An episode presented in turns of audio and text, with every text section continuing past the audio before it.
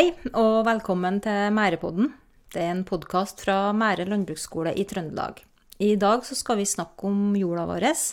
Jorda som gir planter og dyr næring og en leveplass, og gir oss mennesker mat på bordet. De siste åra har vi òg prata mye om jorda som en plass der vi kan lagre mye karbon. I dag skal vi òg møte en gründer som bygger sin forretningsvirksomhet på analyser av jorda.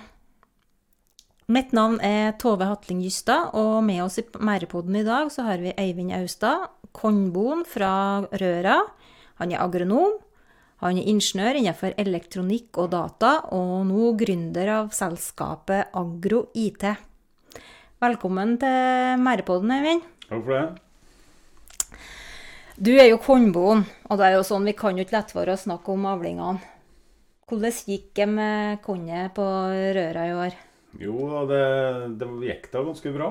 Ja. Det så mørkt ut. Eh, mm. Men vi fikk jo den siste finværsperioden med mye vind og sånn, så det Nei, det ble ikke så verst. Jeg ble veldig positivt overraska.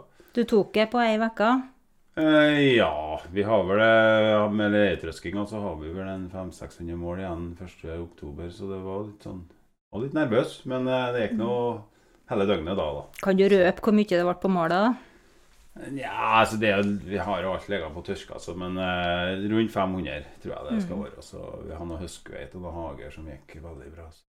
Og Sammenligna med et vanlig år, da, hvordan er det da? Nei, Vi bruker vel å ligge på mellom 500 og 550. I fjor var vi over 600, men eh, det kryper stadig vekk oppover. Så han blir jo flinkere da, sikkert. Ja. ja, men det er bra. Uh, men før du kom inn i studio her til Mærepodden i dag, så har jeg sett at du har ferdig rundt på åkrene våre her på Mæra i en, Mære i en firhjuling. Mm. Og så innimellom så har du stoppa. Hva er egentlig som har eh, skjedd ute på åkeren? Nei, da tar jeg jordprøver med, som er da lagt inn i et eh, system, da, sånn at vi tar med GPS og har full kontroll på hvor de enkelte prøvene er tatt ut. Eh, så, og da har vi en borerigg bårerigg på en firehjuling for å effektivisere den jobben. og kjøre da etter som sagt, koordinater, så at vi, vi har full oversikt over hvordan jorda er på de enkelte områdene på de enkelte skiftene. Vi skal faktisk få lov til å være med deg ut litt uh, ute i Mærepodden i dag og se på hvordan dette her uh, foregår, og både se og høre. Mm. Uh, men du må forklare. Hva er en jordprøve, og hva brukes den til? Ja, Vi samler jo inn da ca. 500 gram med jord til én prøve. Det tar vi på et lite område da, for å vite akkurat hvordan det er i det området. Og Så blir da den eh, sendt inn for analyse, og da finner vi ut hvordan eh, det ligger an med pH-en, om det må kalkes. Eh, vi får fosfor- og kaliumtall, magnesium Ja, mange forskjellige Alt dette kan bestille, da, men en, en standardprøve inneholder ganske mange forskjellige stoffer som vi må ha oversikt på. da. Hva bruker Så. du her kaliumtallene og fosfortallene til? da? Nei, eh, det er jo hvis en har eh, Han må jo styre etter det som får gjødsla på norm. Så det er jo å sette opp gjødselplan etter det. Og likeens hvis en har bra utstyr, eller moderne utstyr med, med, med, GPS, så kan en jo presisjonsgjødsle etter de tallene, eller de verdiene som vi får ut. da. Jeg gjødsla jo spesifikt for fosfor sjøl i, i, år, og jeg så jo at det var veldig lave tall. da. Og fosforet er jo ganske Det flytter seg ikke mye i jorda, så det, det bør legges i lamme frøet, da, mm. for å si det sånn. Så, ja. Eh, men jeg blir litt så nysgjerrig. Eh, vi har jo altså Vanligvis så går jo gårdbrukerne rundt omkring med et lite spyd og så ut på åkeren og så tar ut der jordprøvene og. Tørske dem og sende inn dem. Men du fikk altså en idé at du skulle prøve å sette hjul på det her systemet. Hva, ja. Hvorfor har du starta med det her? Eh? Nei, eh, det var nå for at jeg, jeg, var nysgjerrig på å prøve å få noe mer eh, å gjøre på gården. Altså ha noe tilleggsnæring og likeens utnytte det potensialet avlingsmessig da, som er på gården. Så jeg var på mye forskjellige messer og leste meg opp mye på det jeg fant på nettet. og ja, for rundt omkring og snakka med mye folk og fant ut at eh, det med jordprøver, det, det burde vi absolutt kunne tilby her i Midt-Norge òg, med GPS-jordprøver. Eh, for det som er gjort på gammelmåten, for å kalle det det, det er nå å gå over et jorde og ta litt stikk her og der og riste opp til en prøve, og så, sånn at en ikke får trekk på KSL-en. Det, er- det blir for unøyaktig. Det er store variasjoner på et skifte, så det Så er slipper du du slipper å gå. Nå kan du trille Ja, men hvis jeg skal ta Ja, jeg kan jo vinne på en 500-600 mål på en dag, og da Det vil si i jordprøver, så da er vi borti en 35 kilo da, skal for å bore med seg på det der, da. Det går ikke. Nei, kan stor- klare stor kanskje, sekk, Ja, stor så det blir ikke ja. effektivt. Og... Men det går, ja. Det går an. Det går an. Det finnes oppskrift på nettet hvordan du skal gjøre med telefonen din og alt. Mm. Så, men de fleste eh, velger å kjøpe den tjenesten. Og så dyrt er det ikke heller. Nei. Det er den beste investeringa du kan gjøre. Du Jeg, kom fort. gründeren inn Ja, eh, på meg. det der er Mærepodden. kjedelig med en gang. Det koster deg totalt med analyse av alt to-tre kilo med korn. Mm. Altså hvis en ser over en seksårsperiode. Så Vi skal få være med deg ut på åkeren min, og så høre litt om hvordan det høres ut når du er ute og jobber med utstyret ditt. mm. Da har vi fått besøk av Øyvind Austad, som bl.a. driver firmaet Agro IT. Og vi har engasjert ham for det at han eh, skal ta jordprøver til oss med en litt spesielt utstyr som eh, ikke jeg har sett før, men eh, han har jo tatt en del jordprøver og skal ta en del jordprøver med den utstyret her. Og kanskje du kan forklare litt om hva som skjer? Ja, eh, det er jo da en eh, dansk eh, ehm, importert dette her utstyret fra Danmark. Eh, det er da en eh, såkalt borerigg for jordprøver. Eh, har da modifisert ATV-en sånn at vi får selve riggen på utsida. Da, så har jeg en egen motor for hydraulikken som står bakpå der. Så eh, da har vi da et hjulspyd jordspyd da, som går ned bakken. Det skal vi nå vise eh, litt mer eh, etterpå. Det, det spydet her går ned i bakken, ned til 20 cm. Og tar opp da en, en uh, lite jord hver gang han stikker ned. Da må ha en ca. Ja, 15 stikk for å fylle ei sånn eh, prøveeske som, eh, som eh, vi sender inn da, for analyse. Så én prøve eh, tilsvarer ca. 500 gram med jord. Da. Ja. Så da sender vi det inn til, til Eurofins, da. Eh, ja, når vi kjører rundt, da, så har vi jo uh, kontroll på koordinatene, så vi kjører jo etter GPS. Så jeg legger opp uh, sånn at vi tar en prøve representerer ca. ti mål. Eh, eller maks ti mål, egentlig. Eh, I grønnsaker så kjører vi sånn at vi en prøve dekker fem dekar. Så eh, og på korn og gras er vi ja, fra åtte til ti dekar da, per prøve. Som er normalen. da. Og da får vi, får vi full oversikt over hvordan jorda er. Ja. På en helt annen måte enn eh, hva det var som vi var gjort tidligere. da. Det er at du tar en eh, eh, forskjellig stikk over hele åkeren og rister i hop til en prøve, og så får du et gjennomsnitt. Men eh, alle åkrene er jo forskjellige, og de varierer veldig mye i, på én åker òg, så det er ingen tvil om at dette her er måten å gjøre det på. Så Svenskene er jo kommet mye lenger på dette. her. så når du kommer gjennom noen år og tar prøver, så kan du ta dem akkurat på samme plassen? Det er sånn Ja, er? da bare henter jeg opp gamle kartene og koordinatene, og så får vi tatt på samme plassene. Og da ser vi hvordan det har eventuelt endra seg, da. Mm. Hvis det er gjort noe tiltak. Hvis Men- det er gjort noen noe tiltak, så er nå jordtypen Den vil jo ikke variere noe mye, men Ja. pH-en vil jo variere om du har gjort noe eller ikke. da. Men når du tar så tett som du gjør, så bør du nesten ha utstyr som er tilpassa det òg. For det vil jo bli mye mer punkter å forholde seg til.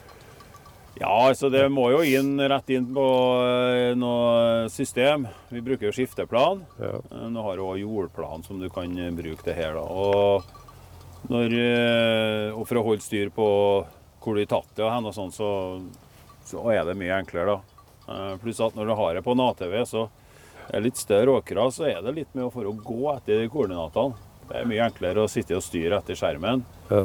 Eh, og da når vi skal komme igjen da, om fire-fem år, så er det lett å finne igjen punktene.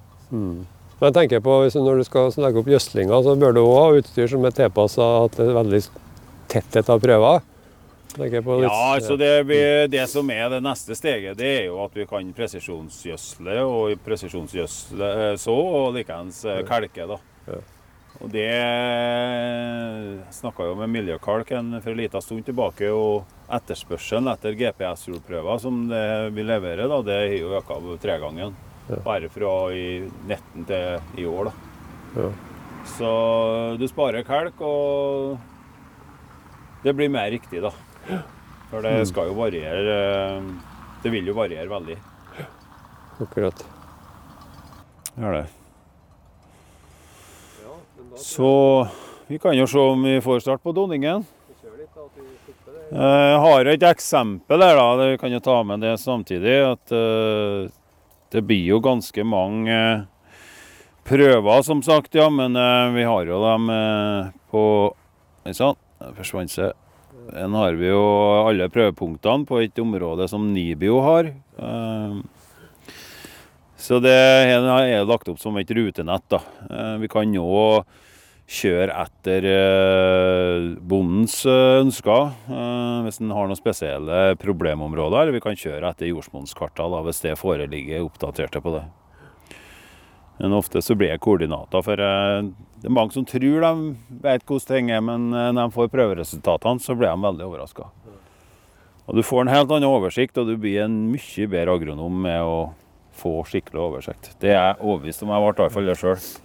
Og det sier alle som uh, har benytta seg av det her og fått, uh, fått tilbake analysene. For når vi får tilbake analysene, så importerer vi bare det rett inn i eh, softwaren, og så genererer vi både kart og tildelingsfiler, som det heter, da, sånn at vi kan variere på innsatsmidlene Ja, mens vi kjører. kjører. Skjønner. Ja. Så vi kan jo se om vi får start på doningen.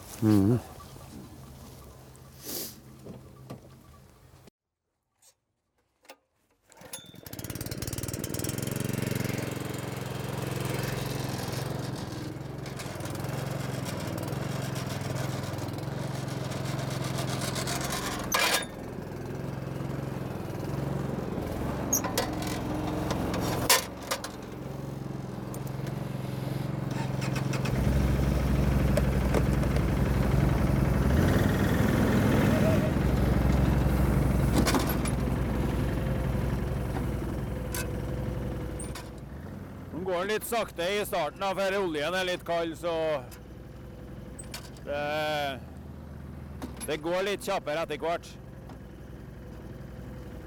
Nå tar jeg en sånn 10-15 sånne stikk, da, for å få fylt opp eh, prøveeska. Nå kjører jeg ofte i en sirkel eller eh, i en eh, liten bue da, for å få med ett område.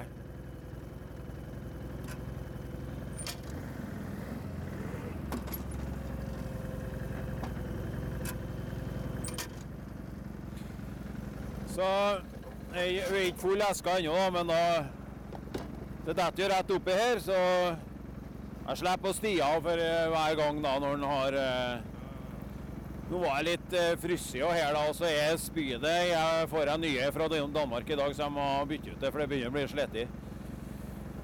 Så eh, Det er egentlig veldig effektivt. Og eh, det er, det er lett å få til nøyaktig, da.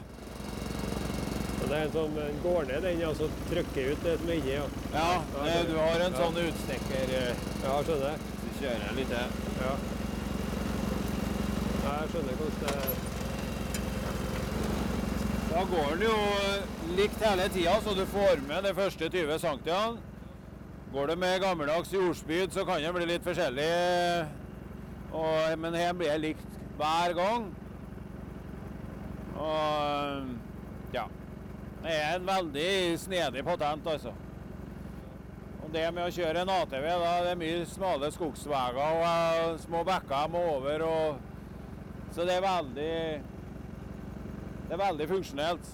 Noen kjører jo, og sørafor kjører de med litt større ting, da. De må ha varmt søringene, vet du, så det kan bli litt friskt.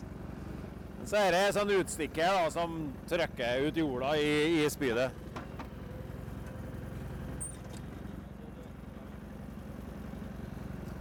Så Så har jeg da nummerert alle eskene. Eh, og det samme nummeret har jeg da lagt inn på, eh, på datasystemet. Sånn at det er enkelt når vi får tilbake resultatene, så er dette det unike nummeret for den, den gården. da. Eller det bruket. Så da har vi full kontroll på hvordan, hvor hen jorda er blitt tatt opp. Og kan da kjøre analyser og gjødselplaner og ja, forskjellig ut ifra det. da.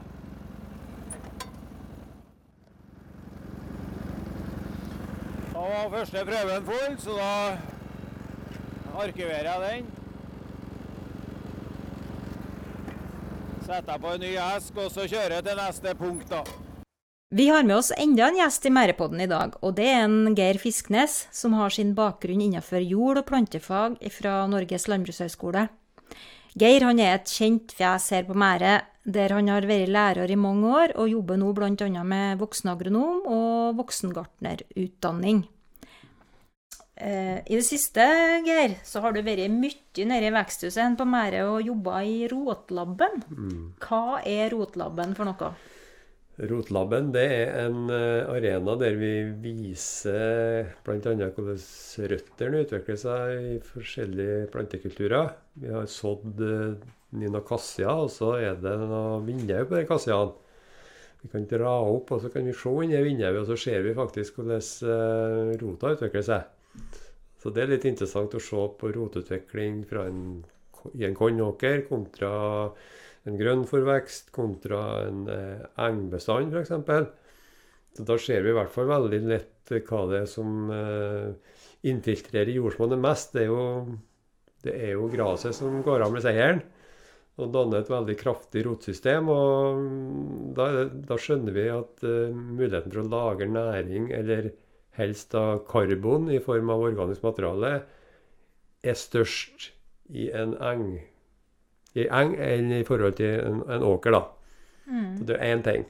Samtidig så ser vi jo mm, veldig godt uh, rothår. Det er der næringsopptaket stort sett skjer. Som vi ellers ikke ser hvis vi river opp ei plante.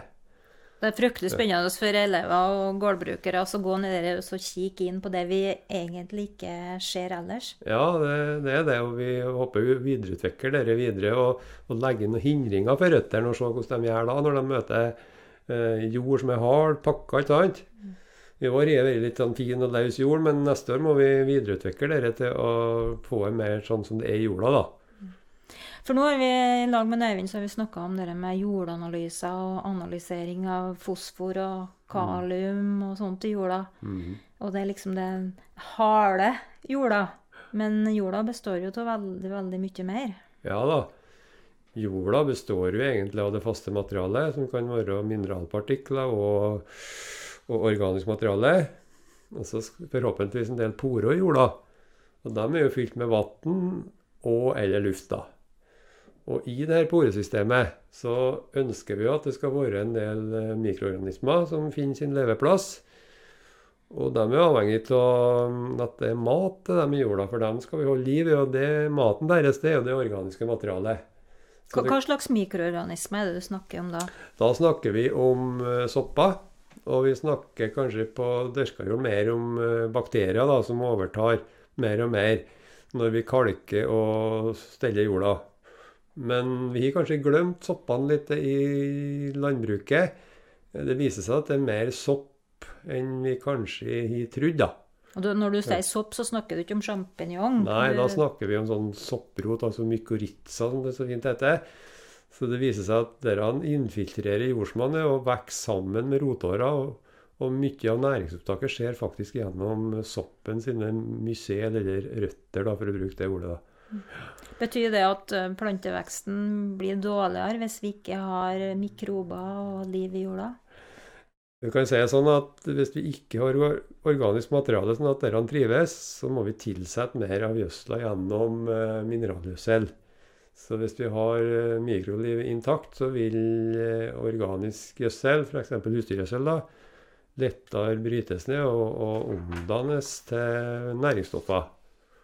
Så Samtidig så vil jordstrukturen bli bedre når vi har organisk materiale i jorda. Det har bl.a. med at mikrolivet eh, hjelper plantene i et samspill med å danne det vi kaller grynstruktur. da, et, En god jordstruktur. Og Hva er det motsatte av en grynstruktur, Ja, det motsatte er jo enkeltkorn, eller klumpstruktur, som jeg bruker å kalle det. Beinhard jord som vi ikke får spadd inn gjennom, altså? Det altså? blir hard og blir kantete. Vi ser det på de enkelte jordpartiklene. De er mer kantete. I eng eng så får du de fine avrunda partiklene. og De er mye mer robuste bl.a. mot erosjon og mot utvasking av næringsstoffer. Så det er stort sett plusser altså, med å øke innholdet av organisk materiale i jorda. Hvordan gjør du det? Hvordan øker du organisk materiale i jord? Ja, da dyrker du, eller da kjører du mer et vekstskifte. Altså du, du har flere vekster å alternere mellom i løpet av en viss tidsperiode. Så, så det motsatte av vekstskifte, det er ensidig produksjon. F.eks. hvis du dyrker korn på et areal i 30 år uten å ha inn andre vekster, så blir det mindre og mindre eh, innhold av organisk materiale i jorda. Og det, da piner vi på en måte ut jorda. Er det noe du kan tilføre annet enn plantevekst, som du kan tilføre jorda for å øke organisk innhold? Du kan tilføre uh, husdyrgjødsel. Det er kanskje det viktigste organiske materialet vi tilsetter jorda. da. Så det er med på å øke, eller i hvert fall vedlikeholde, eh, innholdet av organisk materiale i jorda over tid. Mm. På Mære her så holder vi jo på med å prosjektere et biokullanlegg. Kan du si litt om, eh, bare kort, hva biokull er, og hvordan det virker inn på jorda? Ja, biokull, eh, for å si det sånn, det er jo, det er jo grillkøl det som er kutta opp i små mindre biter, for å si enkelt. Og det virker jo, har jo veldig mye positive virkninger på jordsmonnet, sies det. Har jo ikke sett noe resultat av det, men eh, det fører bl.a. til at eh, sånne mikroorganismer finner plasser å leve inni. Og, og dermed så er de mer stabile i jorda og, og er med på å bygge opp det organiske materialet i jorda. Og jorda settes i bedre stand til å holde på vann, vann f.eks. i og med at eh, Eller i forhold til hvis det ikke er organisk materiale i jorda. Så det, så det virker på å stabilisere jorda og bygge opp eh, innholdet av organisk materiale. Og Vi så nå i sommer da, hvor viktig det er å ha jord som kan holde på vannet i, mm, i nedbørsfattige perioder. Det tror jeg blir stadig viktigere. For vi må regne med vi får sånne perioder i kombinasjon med regnværsperioder. Um, akkurat nå er det høst, Mhm. og vi ser at det er ganske mange gårdbrukere som eh, tar ut plogen og høstpløyer. Ja, Og åkrene vil ligge an bær helt til neste vår. ja. Hva, hva tenker du om det? Nei, det er jo ikke sånn vi skal ha det, egentlig. Det, for å bygge godt jordsmonn, så skal vi ha vekster på jorda hele vekstsesongen. Både sommer som vinter. Eh, Så mm, det med høstpløying, det er jo altså Mange høstpleier fordi at det er veldig praktisk. Da er mye gjort unna til neste vår. Men hvis vi ser på å bevare et godt jordsmonn, så vil en overgang fra høstpløying til vårpløying være en, en, en fordel. Det, blant annet også, Hvis vi høstpleier, så er jo jorda veldig erosjonsutsatt da, i løp, utover høsten og, og Og erosjonsutsatt betyr Det betyr at når det regner mye, så forsvinner jorda sammen med regnvannet som renner opp overflata. Men det er klart at hvis du har litt tung leirjord, så, så vil det være en fordel å høstpleie. Ja. Men vi ser jo bl.a. i nærheten av vassdrag da, at uh, hvis det er store regnskyll, så blir det grått. Vi ser fronten av grått vann, den beveger seg utover, og der er ferie mye jord, altså. Jeg kunne ha nevnt områder, men det skal jeg ikke gjøre. Veldig lett å se det. Ja. Ja. Men da er det jo en fordel at det er mye organisk materiale i jorda, for da fer ikke vannet så hardt med Da tapes det ikke så mye jord. Nei, det er jo bl.a. sammenheng med at når det er mye organisk materiale i jorda, så er jordstrukturen mer åpen, og så da vil mer av vannet sige ned i jorda. Samtidig som at det organiske materialet holder tak i jordpartiklene, sånn at det ikke forsvinner så lett med vannet. Men det aller beste i tillegg, det er hvis vi har plantedekke i løpet av den delen av året der problemene er størst, altså høst og, og vinter. For det er jo slutt med den tida, i hvert fall stort sett, at vi har stabile vintre med frossenjord og stabilt snødekke oppå. Dessverre, den tida ser ut til å bli være forbi, og da får vi mer erosjonsproblem.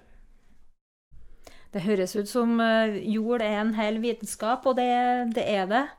Eh, vi hender at eh, her på Mæret så tar vi fram mikroskopet og kikker på jorda og ser på livet i jorda. Det er veldig spennende. Så det må dere som er lyttere prøve en gang å kikke på jord. Men vi skal gå, over, gå tilbake til en Øyvind Austad, vi. Og så skal vi høre litt mer praktisk om det her jordprøvetakinga. Mm. På slutten av podkasten må vi høre litt om sånn litt praktiske ting. Hvor ofte tar du jordprøver på din egen gård?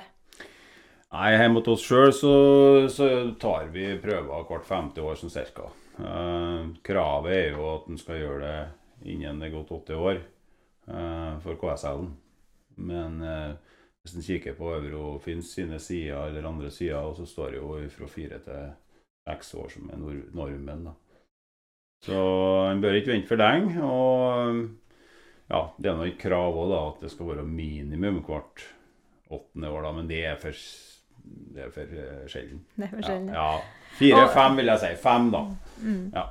Og med den GPS-teknologien som du bruker, så kan du ta jordprøvene på samme plassen hver mm. gang. Det er det som er det fine med for da ser du hele tida hvor, hvordan det eventuelt endrer seg. Og du ser de tiltakene du har gjort, om de eh, ja, har blitt bra. da.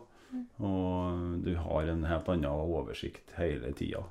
Så mm. det Men eh, det, det, høres jo mm, Å ta jordprøver, det høres jo ut som avansert teknologi. Alt du snakker om, er ikke dette dyrt, da?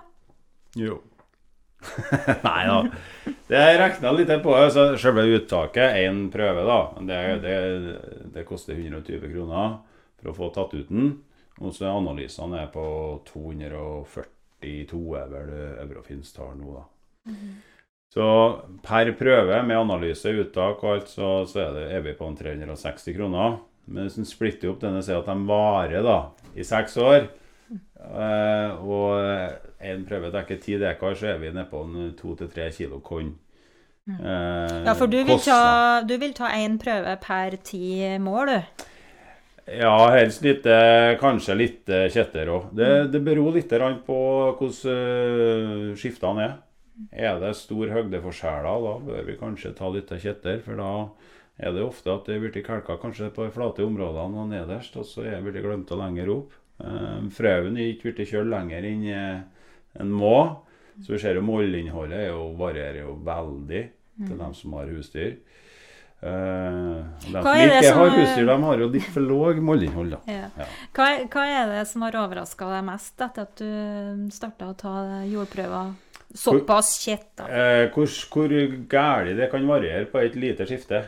Ja, det er fra til myr til ganske stiv leirjord, og, og det, ja, det varierer veldig mye. Og alle som, er, som tar kontakt i ettertid, iallfall de sier at jeg har aldri trodd at det skulle variere så mye.